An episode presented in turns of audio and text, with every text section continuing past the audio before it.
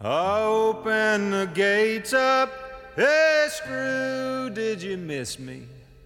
Jimmy, I see that you found a new friend. Warden, come down here and kiss me hello, cause I'm back home in Huntsville again. Welkom bij de Prison Show, het programma over delict, straf, herstel en terugkeer. Oprecht, onafhankelijk en baanbrekend. Want iedereen heeft recht van spreken en verdient erkenning voor wie hij of zij is. Met Edwin En Frans. Yes, I'm back home in Huntsville again.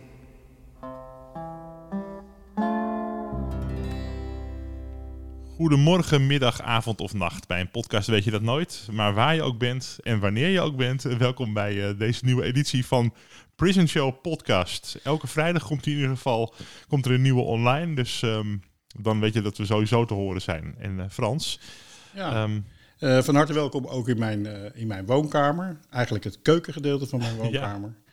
Ehm, en dat is wel bijzonder, want we hebben vandaag twee mensen die in de gevangenis eh, verblijven, die op dit moment gedetineerd zijn. En die eigenlijk ook een, eh, een kijkje in onze woonkamer, in mijn woonkamer hebben. En die, daarbij, eh, die ik daarbij van harte welkom wil heten. Ehm, welkom heren. Wij gaan ehm, praten met Thomas en Roberto. Zij zijn lang gestraft, allebei lang gestraft en verblijven dus in een eh, penitentiaire inrichting.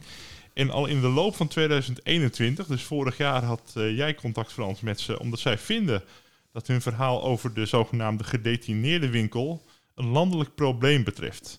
En zij merkte dat er weliswaar sprake is van een landelijke gedetineerdencommissie, maar niet van een commissie die namens gedetineerden spreekt of werkt met vertegenwoordigers van de lokale gedetineerde commissies, waarmee de directeur volgens de wet overleg moet voeren. Want feitelijk zijn er een aantal onderwerpen waarvan de directie ook vindt dat ze opgelost zouden moeten worden, maar aangeven dat het buiten hun competentie ligt of organisatorisch niet lukt. Dat gaat over zaken als de afhandeling van medische klachten, het niet aanwezig zijn van ruimte voor bezoek zonder toezicht, het structureel uitvallen van onderdelen van het dagprogramma en de uitvoering van de wet straffen en beschermen. In deze podcast zullen we ons beperken tot de situatie van de gedetineerde winkel. Maar uiteraard gaat daar een vraag aan vooraf. Hoe verloopt de communicatie met gedetineerden over onderwerpen die het leefklimaat in de inrichting betreffen? Op een zorgvuldig opgesteld mediaverzoek van Thomas en Roberto vorig jaar kwam geen schriftelijk antwoord, totdat wij een maand of vijf later plotseling werden gebeld door een directeur die het aan zijn voorganger gerichte verzoek wilde oppakken en we uiteindelijk tot een afspraak voor deze podcast kwamen. Dus nu, eindelijk zou ik haast willen zeggen, hartelijk welkom in de Prison Show, Thomas en Roberto. Ja, hallo. Dankjewel. Hallo, goedemorgen. Welkom. Goedemorgen. Ja, eh, om te beginnen, kunnen jullie samenvatten wat jullie klacht was en is ten aanzien van de gedetineerde winkel? Wil ik afkloppen? Ja. Dat trap jij maar af. Dankjewel. Ehm, nou, wat wij constateren is dat de prijzen, kwaliteit en levering en leverbaarheid, dat die eh, zeg maar alle kanten op schieten. En wij hebben vorig jaar meegemaakt dat er een, eh, een nieuwe leverancier is geselecteerd. En eh, dat heeft eigenlijk niet tot verbeteringen geleid. En in onze ogen misschien zelfs wel eerder tot vechtingen, geleid. Wij hebben naar aanleiding daarvan een aantal klachten ingediend. En ehm, ja, we hebben zeg maar geheel Nederland, betrokken Nederland daarbij geprobeerd te betrekken. En we hebben daar eigenlijk niet echt heel veel eh, steekhoudende reacties op gekregen. Ja, want hoe is die, eh, die winkel georganiseerd, Roberto? Eh, wij, wij kunnen op, eh, in het weekend een uh, formulier, een tweetal formulieren in, invullen. Ja, Eentje is voor de vechtproducten, zoals groenten en dergelijke. De andere is voor de niet-vechtproducten, dus alle andere producten. Die leveren wij dan in het weekend in. En dan krijgen we niet de dinsdag erop, maar de dinsdag een week later krijgen wij die producten uitgeleverd. en waar komen die producten vandaan? Tenminste, komen ze uit jullie inrichting of van een andere inrichting? Nou ja, voor zover ik het begrijp komen ze uit Vught. Oké, dus daar is dan een soort centrale winkel. En die levert dan uit naar de eh, gedetineerden in andere inrichtingen. En hoe is dat vervoer dan geregeld? Eh, ja, wij begrijpen dat dat via het, eh, eh, via het ministerie van Justitie zelf gaat. Ja, dus de, de dienst vervoer en ondersteuning die ook gedetineerden transporteert en allemaal dat soort dingen. Die, Ja. eh, die vervoert ook de, de spullen voor de winkel. dat Ehm, denk ik. Ja. kun je iets zeggen over de, de prijs en dan iets over de kwaliteit en de klachtafhandeling? Die drie onderwerpen, prijs, kwaliteit en klachtafhandeling. Eh, ja, zal ik, eh, zal ik daarin even in vol gaan? Graag. Eh, nou, de, de prijzen, dat is een, zoals het net al werd, eh, de winkel die wordt bevoorraad door een, eh, door een groothandel, desbetreffende groothandel hier in Nederland. En die gaat naar Vught toe. En van uit krijgen we weer een distributie naar de desbetreffende PI in Nederland. Mhm. Eh, daar zitten natuurlijk eh, best wel onkosten aan. Je hebt natuurlijk een heel stuk aan transport wat er extra bij komt kijken. Wat berekend wordt ook in de prijs. Dus dan liggen de prijzen automatisch sowieso iets hoger. En dan hebben we een verhoging. Ja, dat hebben we vorig jaar hebben we een stukje gepubliceerd in Bonjo. Dat we van eh, prijsstijging hebben van wel 20 tot 40 procent verhoging. Ja. En dat is niet conform eigenlijk de, eh, de kosten die gemaakt worden op het, eh, op het transportgebeuren. En dan, ja, de kwaliteit, daar, dat laat me wel eens rensen over. Dus ik heb nog wel eens het idee dat ik denk van, het zijn maar criminelen. Dus alles wat er eh, heen kan, mag erheen gestuurd worden. En dat uh, doe ik met name op de wisseltitelen. De houdbaarheid, de THT, die eh, uiteenloopt van eh, een THT die gelijk dezelfde dag genuttigd moet worden. En een THT van vijf dagen. Terwijl we volgens de standaardnorm van de NVBA geloof acht dagen gehanteerd moet worden. Want eh, wij betalen gewoon de consumentenprijzen. Dan verwacht je eigenlijk ook uit de producten dat de standaardnormen zelfs een consument hoort te bekrijgen in de supermarkt. Ja, als ik het goed begrijp, betalen jullie 20 tot 40 procent meer dan de consument. En jij denkt dat Ja. dat komt vanwege de, de transportkosten. Want inderdaad klinkt het als een logistiek nogal ingewikkeld eh, proces. Eh, diezelfde logistiek is er wellicht ook mede de oorzaak van dat, eh, dat, dat er het een en ander aan de hand is met de kwaliteit en met de houdbaarheid van de producten. Ja, want dat is natuurlijk een lange weg. En vervolgens de klachtafhandeling. Hè? Dus op het moment dat jij bij wijze van spreken een, een, een eh, fruit besteld hebt en dat fruit is niet goed. Ik merk zelf dat ik, eh, nou, zeker in de zomer, dat als ik naar de supermarkt ga en niet goed oplet, dan neem ik ook eh, soms fruit mee wat niet helemaal oké is. Maar goed, dan is het vaak bij de kassa al dat ik dat recht kan zetten. Eh, hoe werkt dat bij jullie? Ja. Proberen te beantwoorden. Als ik, ik bestel eh, eigenlijk iedere week wel bananen. En eh, ja, zo vaak als ik de bananen alle terug moet sturen, niet omdat ze niet goed waren, maar omdat ze bij het inpakken gewoon eh, eigenlijk niet in de kist pasten. En toen we met geweld die kist dichtgedrukt hebben en daarbij die bananen eh, tot pulp of tot moes hebben gemaakt. Ja, ik geef dat dan, ik, ik ben een van de weinigen die ook bij de ontvangst van de boodschap echt alles controleert. Ik geef dan bij de ontvangst ook aan van, eh, ja, jongens, deze bananen, dat klopt niet. Eh, er wordt dan door de betreffende PIW er een aantekening van gemaakt. En ehm, daar, dat krijg ik over het algemeen eh, eigenlijk best wel goed gecrediteerd altijd. ja, Het is anders, het is anders bij vlees. Want vlees dat zie je niet meteen, want je- het zit, het, het zit in een plastic verpakking. Je ruikt het niet meteen. En dan kom je pas op een later moment achter dat het, ja, dat het eigenlijk helemaal niet goed ruikt. ja. En dan is het wel lastig om je geld terug te krijgen. Ja, snap ik. Ja, mensen, eh voordat, we gaan zo even eh, in op eh, hoe dit is, niet alleen voor gedetineerden, maar ook voor anderen. Ehm, maar mensen die luisteren, hè, die denken misschien, hè, zoals mensen vaak denken, het is toch een gevangenis, ze zitten daar voor straf. Waarom is dit zo belangrijk? Ik, ja, ik vind het wel begrijpelijk, want tot kort had ik het zelf ook wel bedacht, van het zijn maar gevangenen. Dus, cares? Maar eh, als je hier zit, dan eh, onderga je echt wel een straf. En dat realiseert eh, niemand zich. Eh, je, je hebt er geen idee van tot je hier zelf zit. En eh, ja, dus, en het interesseert gewoon helemaal niemand hoe het met ons gaat. En of wij goed eten krijgen, ja of nee. Dat is een beetje het gevoel dat wij krijgen. Hebben jullie eh, kinderen en een vrouw bijvoorbeeld? Ja, zeker. Ja, ik denk niet. Ik, ik, vraag Ja, ik- dat even, omdat, het, omdat het misschien, en ouders misschien, weet je wel. Ik bedoel, ik eh, vraag dat even omdat ik denk dat iedereen die zich realiseert dat eh, jullie ook familie hebben, hè? Eh, ja. misschien ook meteen snapt wat de impact is van het feit dat je in de gevangenis zit. De impact is eigenlijk niet onder woorden te brengen. Ja, Eh, als je dit meemaakt in je leven, ja, tenminste, ik eh, beleef het niet. Ik ben in mijn heel, heel mijn leven nog nooit zo vernederd en machteloos neergezet. ja, En dan, eh, dan spreek ik alleen over mezelf. Maar dan eh, heb ik het nog niet over mijn kinderen. Dan heb ik het nog niet over mijn beide ouders die nog wel leven. Mijn moeder die zit momenteel in een hospice. Dus ja, moet je op de laatste Ja. uurtjes doormaken waar de zoon in de gevangenis zit. En waar Ja. contact eh, vrijwel onmogelijk is. Ja. Ja, en even, Dat, eh, dat is een hard geluid natuurlijk. Ja, en misschien nog even voor, eh, dat lijkt me zeker. En nog even voor de mensen die denken van ja, maar je hebt toch iets verkeerd gedaan. Ehm, ja, dat is de opmerking die ik dan wil maken is dat de straf bestaat eigenlijk niet uit allerlei toegevoegd leed, maar eigenlijk alleen maar uit het feit dat iemand wordt opgesloten. Dus alle andere consequenties, ja, dat, is, dat krijg je er eigenlijk bij, hè? Dat maakt de straf eigenlijk veel zwaarder. Ja, Ehm, ja, eh, het- ja. Ehm, jullie hebben getracht eh, gehoor te vinden voor deze situatie. En eh, zoals je al zei, hè, er wordt over het algemeen heel goed eh, en, en, en ja, begripvol gereageerd door het personeel wanneer er spullen niet goed zijn.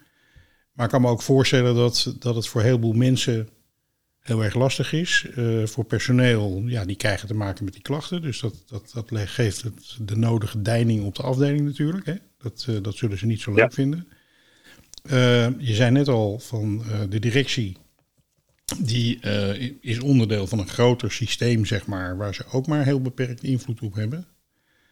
Ehm, misschien goed om toch eventjes langs de verschillende disciplines te lopen en even duidelijk te maken voor de buitenwereld in wat voor systeem jullie eigenlijk functioneren. Hè? Dat, wat, wie daar allemaal mee te maken hebben en hoe er dan op zo'n probleem gereageerd wordt.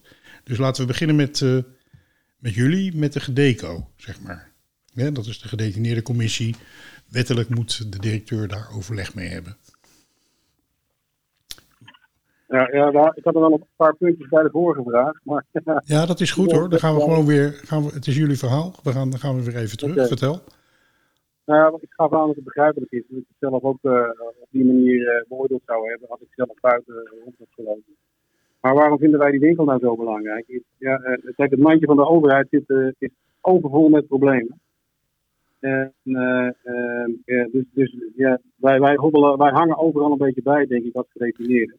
De problemen die wij ja, onder, ondergaan, die worden ook op die manier behandeld. Het is het gevoel dat wij hebben. Mhm. Als we kijken naar die winkel, dan heeft de Bonjo daar in juni 2021 al aandacht aan besteed. Er zijn al meerdere klachtenzaken over geweest. Er zijn al eh, eh, eh, zaken bij de. Centrale Ja, Raad. er zijn, ja, er zijn ja. zaken vergaand eh, eh, behandeld, zeg maar. De vraag is nou eigenlijk: van wat gebeurt er nou mee? Er gebeurt helemaal niets mee. Want het blijft maar doormodderen. Wij begrijpen zelfs dat er voor de winkel op dit moment opnieuw weer een nieuwe leverancier wordt gezet. Ja. En, ja. Ehm, en ja, de, de manier waarop er met die winkel omgegaan wordt, zeg maar, ik heb het gevoel eh, dat bij ons leeft, dat een beetje de algemene gang van zaken is binnen een PI. Het interesseert helemaal niemand iets eh, of wij boodschappen wel of niet krijgen, of de kwaliteit goed is of niet, en of, eh, of, wij, of wij als een beest behandeld worden of niet. En eh, dat als een beest behandeld worden, dat maakt het hier echt onnodig zwaarder, wat je zelf net al aan. Hm. In mijn ogen zou de overheid hier een voorbeeldfunctie moeten hebben. Eh, zij dienen ons als mensen te behandelen. Vinden wij. Heel toevallig was er van de week eh iets op tv, dat had Thomas gezien. Ja, dat is een. eh, dat was, was op RTL Boulevard was dat. En dat ging over het gevangenis. Mhm. En dat was een filosofie van, de, van een Indianen-opperhoofd, Beerhard.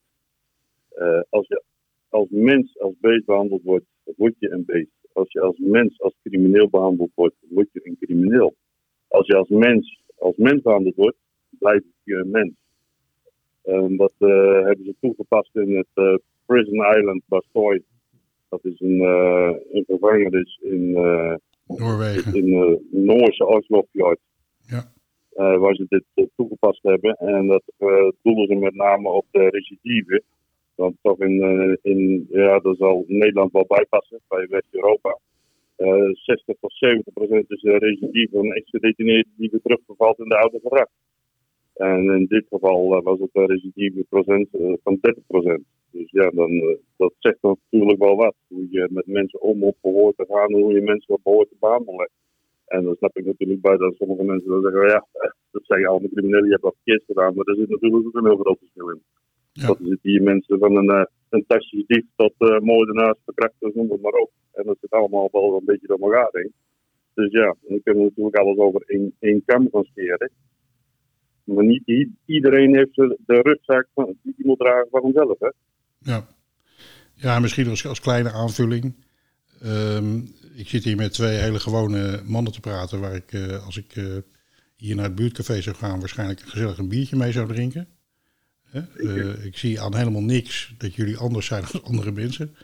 Ehm, dus eh, eh, er is nogal een groot verschil tussen wat iemand eventueel gedaan heeft, of een fout die iemand gemaakt heeft, en de persoon die hij zelf is. Daar is een heel groot onderscheid in te maken, denk ik. Want als persoon Ja, ben je eigenlijk een, een mens zoals iedereen. Hè? Sorry? Ja, wat ik hiermee zeggen wil is eigenlijk, je kan natuurlijk niet zomaar oordelen. Zonder dat je iets on, onomstotelijk hebt vastgesteld. Ja. Voordat je eigenlijk überhaupt uitspraken doet. Dat is precies hetzelfde als je naar de dokter gaat en de dokter stelt een verkeerde diagnose. Dan word je zieker of je komt zelfs te overlijden. En Ja. dat wil ook niemand. Zeker. Dus, dus deskundigheid is daar wel eh, een belangrijk iets Ja. in het geheel. Hey, jullie hebben voor dit probleem, eh, de winkel, hebben jullie een aantal eh, disciplines, hebben jullie natuurlijk contact mee gehad. Ehm, jullie hebben eh, als gedeco met, eh, met de directie gesproken hierover. Ehm, Misschien kan je even vertellen hoe dat, hoe dat dan verloopt. Het middenkader. Eh, dus, dus hoe is de communicatie daarover met, vanuit de gedeco als individu met directie en middenkader verlopen? Want die zitten ook in hun maag met dit probleem, begrijp ik. Ja, ja, ja. Ik heb heel verhaal opgeschreven wat ik hier zou kunnen delen. Maar lang verhaal kort is eigenlijk dat volgens mij iedereen best een goede wil is. Maar dat we het allemaal niet voor elkaar krijgen. Dat Ja. iedereen tegen een muur aanloopt. Er wordt ontzettend veel over gesproken. We hebben van de, de voorgaande directeur ook de correspondentie daarover in mogen zien. Over wat er allemaal gebeurt ten aanzien van die winkel. Maar ze krijgen het blijkbaar gewoon niet voor elkaar. Hm. Men is niet in controle. is mijn conclusie. Ja.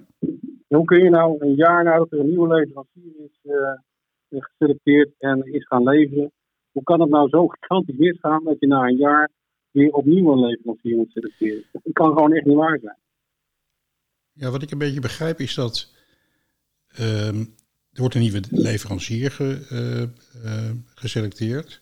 Maar het probleem is niet alleen de leverancier, maar het probleem is ook dat vervolgens eh, de spullen naar één plek worden aangeleverd, daar worden ingepakt en vervolgens eh, naar de inrichtingen toegebracht moeten worden en daarna verspreid worden. Dus na die leverancier is er nog een heel groot logistiek proces waarin van alles mis kan gaan.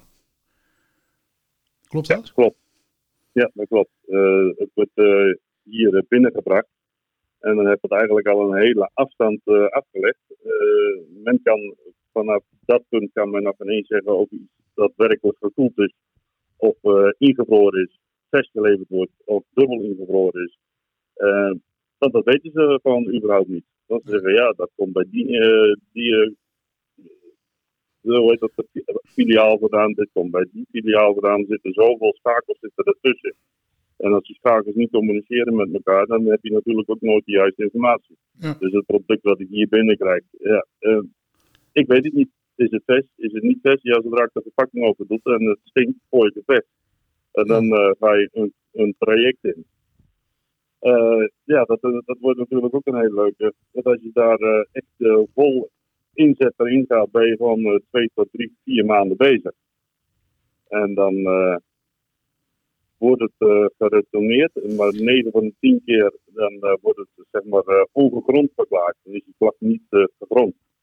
Dus dan heb je eigenlijk al het werk voor niks gedaan. En als je gelijk krijgt, dan ben je vier, vijf maanden verder. En dan wordt het afgekocht voor een fractie van het, eh, van de prijs en alle moeite die je er hebt om moeten doen.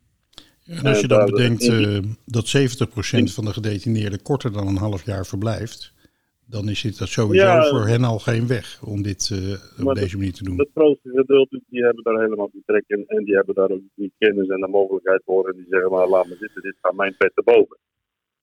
Wij hebben een aantal, aantal jurisprudentiestukken gezien. Waarin eh, tot aan de, eh, de RSJ is geprocedeerd, zeg maar. En waarbij de gedetineerde dan in, in gelijk is gesteld. Dus er is voor duizenden en duizenden euro's tijd en energie aan besteed. Advocatenkosten gemaakt en dergelijke.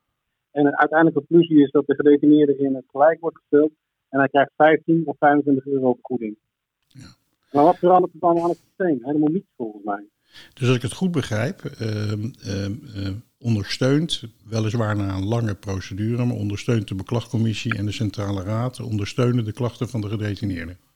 Die worden Nou ja, niet, ik, ik ken ze niet allemaal, maar die ik gezien heb, eh, inderdaad wel, ja. ja. En er wordt daar ook een beetje geschermd over de verantwoordelijkheid van de directie daarin. De directie zegt, ja, ik, ik ben niet verantwoordelijk eh, voor de leveringen van de winkel. Ja. Maar in sommige opzichten eh, zijn ze daar wel verantwoordelijk voor. Ja, als ik het goed begrijp, is, eh, is, is niemand verantwoordelijk. Klopt dat? Ja, dat klopt. Je kon het, het oude Hollandse, Hollandse gezicht kom je, want als je in de muur gestuurd wordt, daar kom je in terecht. Uiteindelijk is natuurlijk wel iemand verantwoordelijk, alleen eh, niemand voelt zich verantwoordelijk. Hebben jullie enig idee? ehm, kijk, als ik eh, Albert Heijn, eh, eh, naar de site van Albert Heijn ga, dan vul ik een lijst boodschappen in. Dan wordt dat keurig netjes bij mij thuis bezorgd. Ehm, dat doet Deen bijvoorbeeld ook. Hè. Dan heb ik een bekende, bekende supermarkt. En er zijn nog een aantal andere bezorgservices. Dan kan ik gewoon voor winkelprijzen, kan ik gewoon thuis bezorgd, gratis eigenlijk bezorgd, kan ik boodschappen krijgen. Enig idee waarom eh, een PI dat niet gewoon doet?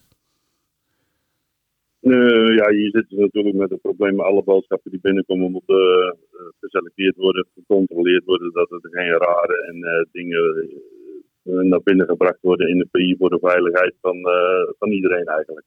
Maar dat is toch Eh. altijd, ook als het van die andere leverancier komt? Ja, eh, lijkt mij wel. Maar ja, dat, dat is in ieder geval de stelling die hier eh, neergezet wordt. En daar eh, Ja. schijnt eh, twee of drie instanties daarover over te moeten waken. Waar enorme kosten mee gemoeid worden natuurlijk om die producten binnen te krijgen. En dat schijnt ook de aanleiding te zijn tot die eh, enorme prijsafverhogingen die ja, 9 van de 10 keer onaangekondigd doorgevoerd worden. Ja, Dus een, eh, maar terwijl je het vertelt... je, belast nu, je belast nu één PI terug met de werkzaamheden voor meerdere PI's. Maar die werkzaamheden kunnen natuurlijk ook gewoon op iedere PI afzonderlijk uitgevoerd worden. Ja, Dan ja heb je ook weer een, be- een bezigheid qua arbeid voor de gedetineerden hier. Iets anders dan eh, beugeltjes in elkaar draaien. Wat nogal uh, geestdodend is. En ehm, eh, dan heb je minder kosten. Want inderdaad, die kosten die, eh, die hebben particulieren ook niet als ze door het Albert Heijn of een andere winkel zaak laten bezorgen. ja. ja, want ik ben natuurlijk niet, ik ben het helemaal met jullie eens. En ik ben natuurlijk niet helemaal ongeïnformeerd. Hè? Want ik, ben, ik heb heel lang in inrichtingen gewerkt. Kijk, voor de arbeid zijn er ook talloze leveranciers die producten leveren. Die moeten ook vaak steeds proefsgewijs, want je kan niet alles controleren, moeten die gecontroleerd worden als ze binnenkomen, voordat ze gebruikt worden. Ja, ik zou niet weten waarom je dat niet ook gewoon met boodschappen kunt doen. Ja, de boodschappen zijn ook anoniem. Hè. Het gaat allemaal op nummer. Ja. Dus eh, dat heb je al een stukje veiligheid ingebakken, zou ik zeggen. Ja. Hey, wat waren jullie bevindingen als het gaat om het in gesprek komen via een landelijk platform? Hè? Want wat wel duidelijk is, hè, ook in jullie verhaal, is dat eh, een deel van de problemen komt door de manier waarop het in het gevangeniswezen georganiseerd is. En dat maakt het heel lastig om te reageren op individuele klachten, want ook een klachtcommissie of een centrale raad zal zeggen van, ja, maar zo is het nou eenmaal in Nederland georganiseerd en daar, eh, daar kunnen wij niks aan doen, zeg maar. Hè? Dat is een zaak van justitie hoe ze het willen organiseren. Ehm, ik denk dat dat ook de reden was, omdat het een landelijk probleem is, dat jullie op zoek zijn gegaan om naar een landelijk platform, hè? dus een landelijke Klopt. deco, zodat er ook Ja. landelijk in gesprek gegaan kan worden over een probleem wat kennelijk landelijk is. Wat zijn jullie bevindingen geweest daarin? Eh, wat, wij, eh, wat wij net ook al aangaven, is dat die eh, zaken afgekort worden dan uiteindelijk naar 1000 euro's kosten die gemaakt worden. Door eh, 25 of 15 euro korting te geven. En maar in iedere PI eh, kan iedere gedetineerde die discussie aangaan met zijn eh, directie. En afzonderlijke klacht aandienen. Ja, of indienen. Ik zou zeggen, eh, pak het landelijk op. Pak een landelijke eh, gesprekspartner als een landelijke gedetineerde commissie. En ga daar eh, samen mee in overleg. Dan heb je de gedetineerde een aanspreekpunt. En dan heeft de eh, eh, eh, DEI een aanspreekpunt. Dan kun je dingen oplossen. En niet dingen eh, voor 15 euro afkopen of 25 euro. En vervolgens het weer laten lopen. Maar is er Eh, een dus landelijk platform? een landelijke, een landelijke eh, platform wordt, wordt gemist. Wij hebben bij het aantreden, hebben wij eh, in de overdracht van onze voorgangers, hebben wij eh, het, eh, eh, eh, stukken gekregen van een landelijke gedetineerde commissie. Helemaal niemand hier wist van het bestaan van een landelijke gedetineerde commissie. Ook de directie. niet. Er zat een reglement in, eh gedetineerde commissie, van 1 november 2009. Mhm. Ja, 2009 zeg ik. En op de site van de Bonjo staat ook eh, redelijk hoog van de toren geblazen wat, eh, wat de Landelijke Gedetineerde Commissie allemaal voor gedetineerden kan doen. Wij hebben, eh naar aanleiding van deze informatie, wij contact gezocht met deze Landelijke Gedetineerde Commissie.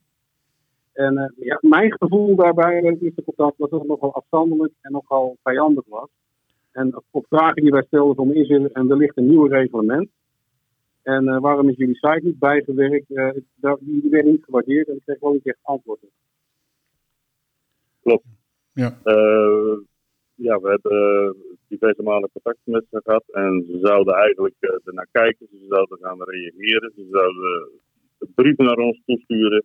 En dat, dat is uitgebleven. Tot heden hebben we nog steeds niks ontvangen.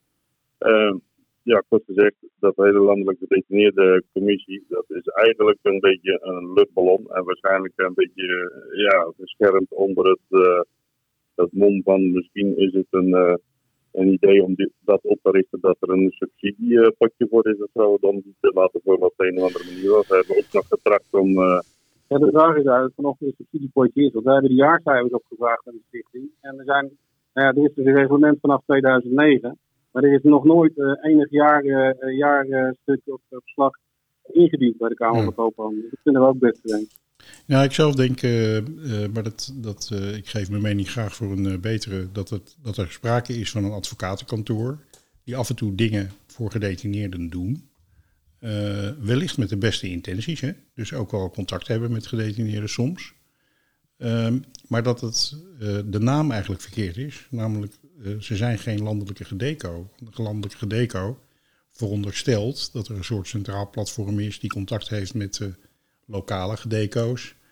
En omdat ze landelijk Maar dat zijn... geven ze ook aan, hè? Dat geven ze ook aan op, eh, dat, dat zij met iedereen en allemaal contact hebben. Dat ze overal contactpersonen hebben. En dat zij eh, maandelijks van alle gedeco's informatie krijgen. Ja. Nou ja, dat... En daar, daar, ja. Ja? En even aanvullend op wat Thomas zei. Zij zouden voor ons een brief schrijven over het winkelprobleem. En eh, we hebben er echt wel tien keer achteraan gebeld. En we hebben uiteindelijk nooit een brief gekregen. Ja.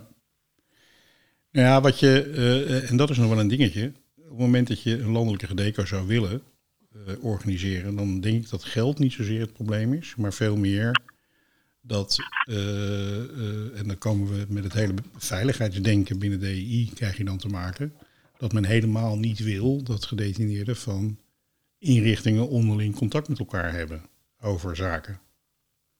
Dat is een zeer Ja, de vraag. nou ja, de overheid, de overheid heeft die duidelijk, eh kiest die duidelijk voor het en heersen eh, eh, principe. En eh, ja, ik- kijk, op die manier kun je bra- brandjes blijven blussen en discussies op eh, microniveau blijven winnen of verliezen. Ja. En een kleine groei geven. Je kan er ook voor kiezen om gewoon problemen op een landelijk niveau aan te pakken en op te lossen. Ja. Ja. En ik denk dat dat laatste eh, voor iedereen het beste is. Ja, eh, ik eh, dat denk ik ook. Alleen, ehm, eh, ik maak even mijn, eh, mijn opmerking, is meer een soort winstwaarschuwing. Zo van, het zal niet toevallig zijn dat het niet van de grond gekomen is. Tot nu toe. Dat, eh, dat zou wel kunnen. Kijk, eh, het, is natuurlijk, de cultuur is heel vaak met de uitspraken, want het is maar de overheid en het zijn maar criminelen. Deze twee dingen die, ja, die moeten gewoon goed onder de geno- genomen worden door een door deskundige en goed geëvalueerd worden. Want dat is gewoon een heel groot gebrek aan communicatie in, in al deze zaken. Ja. Factoren. Kijk, wij zijn gewoon heel erg gebaat bij, bij een goed functionerende, werkende landelijke gedetineerde commissie. Die Ja. door deskundige personen worden bestuurd. Nou, En dat goed niet advies alleen, kunnen niet geven. alleen wij, maar iedereen. Ook eh Dus eh, de overheid zelf. Ja. Ja. in de algemene zin. En dat bijstand bieden in dergelijke zaken. En geloof me, dat zijn er best wel veel. Ja, ja. Hey, als we er nou van uitgaan, hè, dat bijna alle mensen die betrokken zijn graag willen dat de situatie verbetert. Hè? Als we daar nou gewoon eens van uitgaan. Ehm, Ja. Wat is dan de grootste belemmering om dit op te lossen? Want als zowel gedetineerden als middenkader als directeuren eigenlijk, om, om daar maar mee te beginnen, eigenlijk groot belang bij hebben dat er geen gedonder en geen gezeur over de winkel is en dat het soepel verloopt allemaal. Wat, wat, Nou ja, de- het wat is dan de belemmering? Hè? Het grootste punt is communicatie natuurlijk. Het, het, het is van, het, van de ene instantie naar de andere instantie moet er gecommuniceerd worden. En, maar 9 van de 10 keer komen we niet aan. En als je 10 vragen stelt, krijg je 11 antwoorden en alle 11 leiden tot niets. Maar goed, we, we hebben Ja, heel maar- veel affaires op dit moment rond de overheid waarbij dit mechanisme ook eh, eh, eh, naar voren komt. Hè? Neem de toeslagenaffaire en een aantal andere van dat soort situaties. Nou, dat Ehm. bedoel ik met dat mandje waar ik het eerder over had. Het mandje van de overheid zit gewoon helemaal vol. Ja, Maar, en, maar om de vraag te beantwoorden, als we kijken naar het winkeldossier, dan, eh, dan denk ik dat er op dit moment op verkeerde ke- gronden een keuze wordt gemaakt. Ehm, maar men begrijpt het niet. Want als we aangeven dat je moet kijken naar eh, de artikelen die veel verkocht worden voor een prijsstijging, dan reageert de woordvoerder van eh DEI in de bonjo van december 2021 op een manier waarop wordt aangegeven dat het niet begrepen wordt. En dat vind ik echt onvoorstelbaar. Dat er dus blijkbaar iemand is die daar eh, eh, woordvoerder voor is en het niet begrijpt. ja, En dan geven wij in argumenten al aan dat je moet kijken naar een gewogen gemiddelde qua prijzen. En het land gewoon. Ja. En ik denk dat het daar dus al misgaat. Ja, dus je constateert eigenlijk een enorme kloof eh, in de werkelijkheid van iemand die zelf ervaart dat hij in de gevangenis zit en tegen dit soort zaken oploopt. En andere mensen die redelijk op afstand zitten en die eh, reageren op klachten. En eigenlijk, ja, naar jullie gevoel in ieder geval, nog los van de vraag of het ze überhaupt interesseert. Hè, want dat, dat kan je je ook afvragen, want hoe belangrijk is het voor ze? Maar in ieder geval niet snappen waar het over gaat. Ja. Ja. Ja. Maar ook niet, in mijn ogen, ook niet de moeite neemt om te kijken wat wij bedoeld hebben met het gewogen gemiddelde. Eh, Ja. Thomas heeft heel veel ervaring hiermee. En die zegt, alle prijzen voor de dingen die veel verkocht worden, zijn eh, eh, significant omhoog gegaan. En de dingen die bijna niet verkocht worden, dan zijn de prijzen significant omlaag gegaan. Ja, als je dan alles op één hoop gooit, dan lijkt het of het wel meevalt allemaal. Ja. Maar de dingen die veel verkocht worden, die zijn heel veel duurder geworden. Dus de winstmarge van de leverancier, die is mega omhoog gegaan. Ja, het is heel lastig, eh, heel lastig om uit te zoeken. Wat ik, eh, eh, vorig jaar hebben we er natuurlijk een aantal keren contact over gehad. De prijzen buiten die stijgen ook enorm op dit moment. Hè? Eh, dus er gebeurt van alles met prijzen. Dus, dus, dus daar kun je allerlei verschillende benaderingen kun je daarover hebben.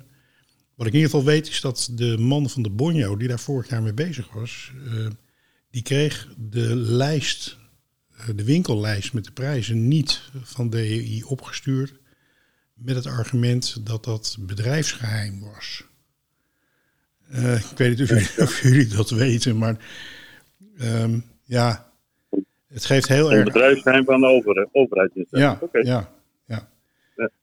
Ehm, dus, dus ja, het is wel, wel bijzonder om, om te zien hoe gesloten het systeem dan ook aan de andere kant is. Hoe weinig transparant het eigenlijk is wat er gebeurt.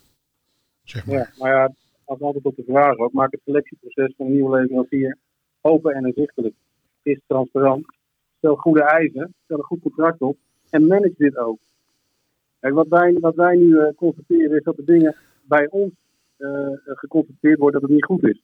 Of de kwaliteit is niet goed, of tenminste de houdbaarheidsdatum is niet goed.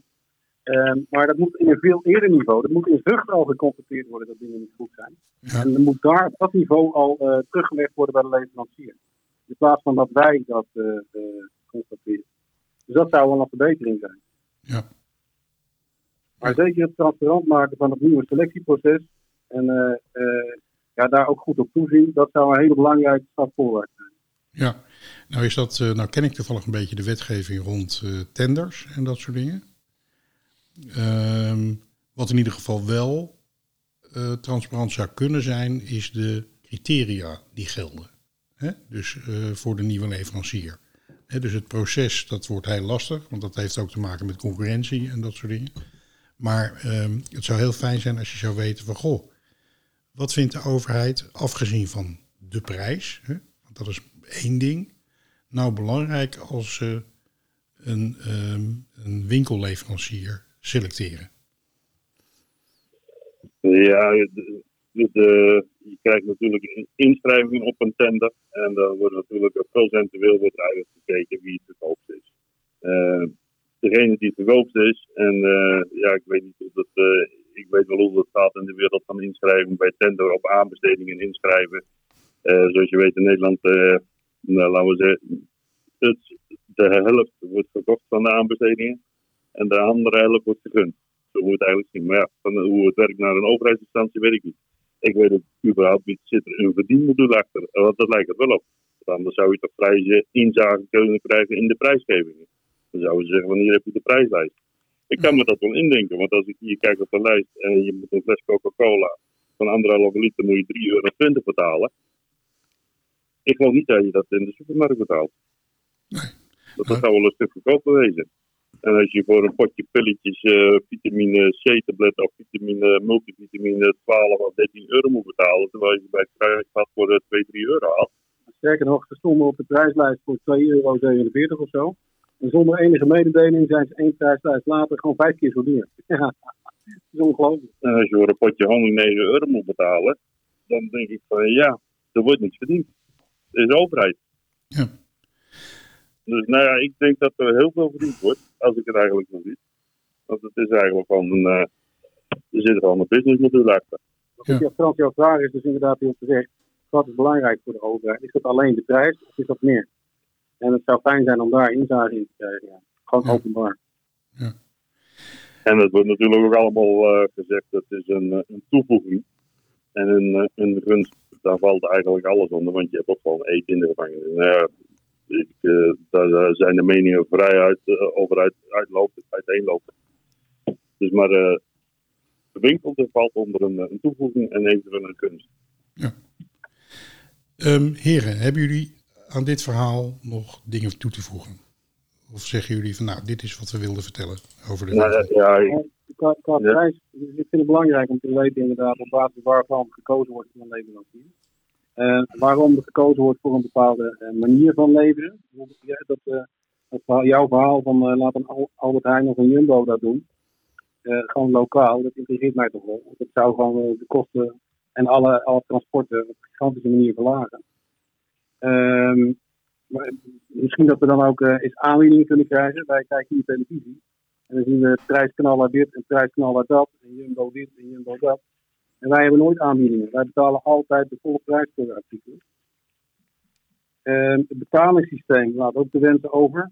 Er is eigenlijk iedere week wel gezeur over het betalingssysteem. Mensen begrijpen niet hoe het zit. Er wordt op een bepaalde manier, op een bepaald tijdstip wordt gekeken naar het saldo op die rekening. En, eh, maar dat is, een, dat is al een week van tevoren, voordat je die boodschappen uitgeleverd krijgt. Dus mensen krijgen boodschappen niet geleverd, terwijl er toch voldoende geld op de rekening staat. Ja, ze begrijpen het gewoon niet. En het is iedere keer hetzelfde voor. Afgelopen week hebben we weer dubbele boekingen gehad in de betaling. Mensen begrijpen er gewoon echt helemaal niks van. Helder, helder. Ja. Ik, eh, ik wil jullie heel erg bedanken voor dit interview. Ehm, ik ben er zelf van, eh, van overtuigd dat, eh, dat jullie op een hele oprechte manier en een aantal zaken hebben gemeld, maar ook jullie visie hebben weergegeven op, eh, op de hele gang van zaken. Ik denk dat dat, eh, dat, dat, dat, dat mag en dat moet eh, gehoord mag worden en ook, ook moet gebeuren. Toch is het vrij zeldzaam dat we überhaupt toestemming hebben gekregen om met twee gedetineerden Ja, te kunnen, kunnen spreken. Normaal Ja. wordt het eigenlijk altijd geweigerd. dus ehm, ja, dit, eh, eh, we hebben natuurlijk een contract moeten sluiten met DEI. Dus dit, eh, dit interview gaat naar DEI en die moeten daar dan, die gaan daar naar luisteren of ze vinden dat dit in de ether mag komen. Ehm, Ja, ik denk dat, dat er weinig aanleiding is op dit moment om te zeggen van dat zou niet gehoord mogen worden buiten. Want ook de werkelijkheid van gedetineerden is een werkelijkheid die gehoord mag worden. En zeker omdat het de overheid is, is het ook heel belangrijk dat mensen buiten zicht hebben of krijgen op hoe het nou echt gaat binnen in de gevangenis. En niet alleen via de justitie, maar ook van de mensen die het betreft. Dus ik wil je daar gewoon ontzettend voor bedanken. Voor al jullie, en ook voor jullie enorme vasthoudendheid om dit aan te kaarten. Want dat wil ik ook nog wel even zeggen. Jongen, jongen, wat hebben jullie, uh, wat hebben jullie een lang traject achter de rug? Nou ja, eh, wie weet dat hebben we allemaal nog gegaan. Ik, heb het, ik wil eigenlijk wil ik nog even iets daarover zeggen. Over wat, net wat je in het begin al aangaf, dat sommige mensen denken, well, ja, het zijn criminelen. Dat, een gevangenis is een gevangenis met de ene ziet de gevangenis uh, anders dan een andere. Ik las het boek van Nelson Mandela en daar kwam ik eigenlijk een heel mooi stuk tegen. En dat staat op pagina 355. Uh, en jij hem bij dan? Oh. Ja, die wil ik eigenlijk nog even dat, dat die even voorgelezen wordt.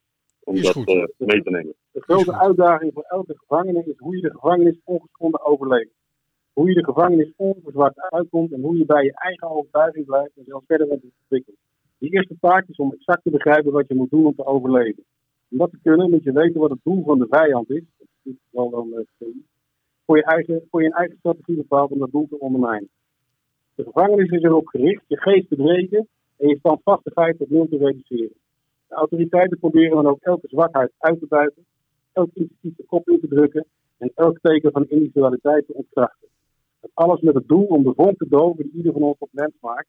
En ieder van ons tot maakt, maakt tot wie we zijn. Waarvan achter. Het lijkt mij een hele, hele mooie uh, afsluiting van dit gesprek. En ook echt iets om over na te denken. Dat uh, denk ik zeker. Thomas en Roberto, heel hartelijk bedankt. Ja, we willen jou ook ja, hartelijk bedanken. Want uh, die volhardendheid die bij ons aanwezig was, die hebben we bij jou toch zeker ook geconstateerd. Nou, ik denk dus, dat we wat dat betreft uh, elkaar een hand kunnen geven. Qua karaktereigenschappen. Ja. Nogmaals. Dus jij ook hartelijk bedankt. En ja, uiteraard ook voor de ondersteuning. Hartelijk bedankt. Heel graag gedaan. Uh, heren, um, ja, bedankt. En uh, we gaan kijken um, hoe dit zich gaat ontwikkelen. Dank jullie wel. En ook de luisteraars, okay. bedankt voor het luisteren. Tot volgende ja, week. Yes, I'm back home in Huntsville again.